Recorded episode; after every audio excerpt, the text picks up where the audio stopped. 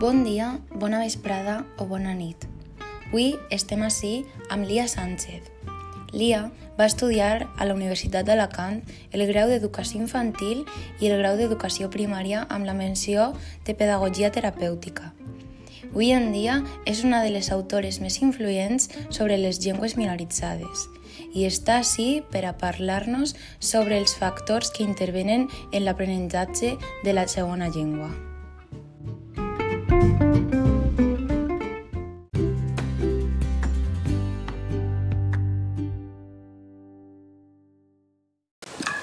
Hola, què tal? Bon dia.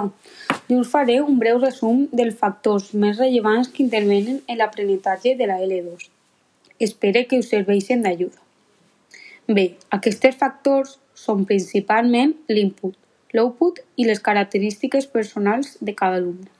En primer lloc, tenim l'input. Es refereix principalment al bagatge lingüístic que rep un aprenent de la segona llengua. A partir d'ahí, l'alumnat selecciona regles que després incorpora al seu sistema d'interllengua. Perquè quedi una mica més clar què és l'interllengua, us vaig fer una petita definició. Aquesta és la construcció que integra tant les regles de la primera com de la segona llengua. També regles que no pertanyen a cap de les dues, però són productes del procés d'aprenentatge. Si l'input que rep és de qualitat i amb fonètica clara, el xiquet o la xiqueta aprendrà la llengua més ràpidament i millor que si no és. En quant a l'output, els docents deuen crear experiències i moments on l'alumnat puga parlar amb altres persones, per exemple, amb els companys. Aquest fa que es desenvolupi la parla d'una manera més fàcil i senzilla. Per últim, tenim les característiques personals. Són característiques variables de cada alumne, que influeix en l'aprenentatge de la llengua. Per exemple, l'edat. Es diu que entorn a les 12 i 13 anys l'alumne té una predisposició natural per assimilar una nova llengua. Altra característica és l'aptitud, ja que l'intel·ligència influeix notablement en l'aprenentatge. La motivació és altre factor molt important, perquè està molt relacionat a l'èxit.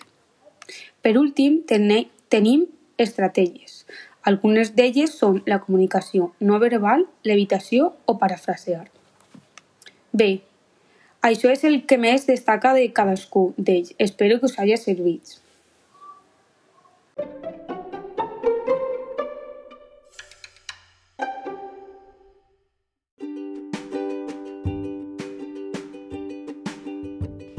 Moltes gràcies, Lia, per la teua intervenció.